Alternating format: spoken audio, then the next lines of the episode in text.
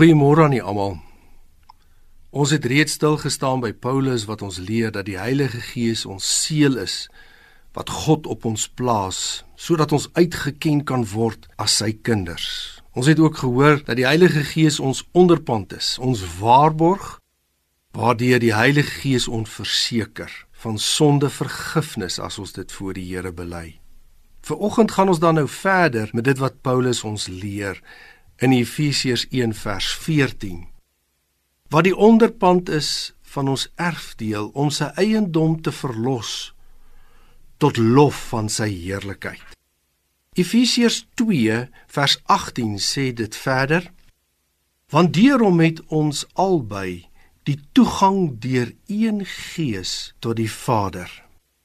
Die Heilige Gees nooi ons na die troonkamer van God. Wanneer ons bid, is dit die reaksie op die bewusmaking van die Heilige Gees.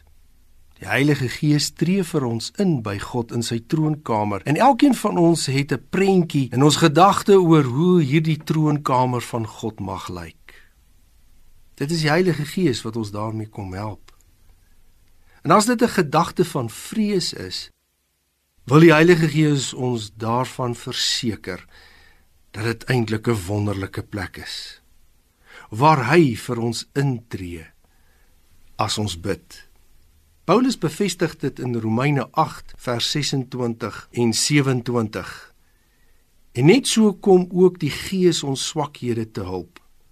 Want ons weet nie reg wat ons moet bid nie, maar die Gees self tree vir ons in met onuitspreeklike versigtings. En hy wat die hart deursoek, weet wat die bedoeling van die Gees is, omdat hy ooreenkomstig die wil van God vir die heiliges intree. Die Heilige Gees maak ons kromgebrede reguit. Hy maak dit behaaglik vir God.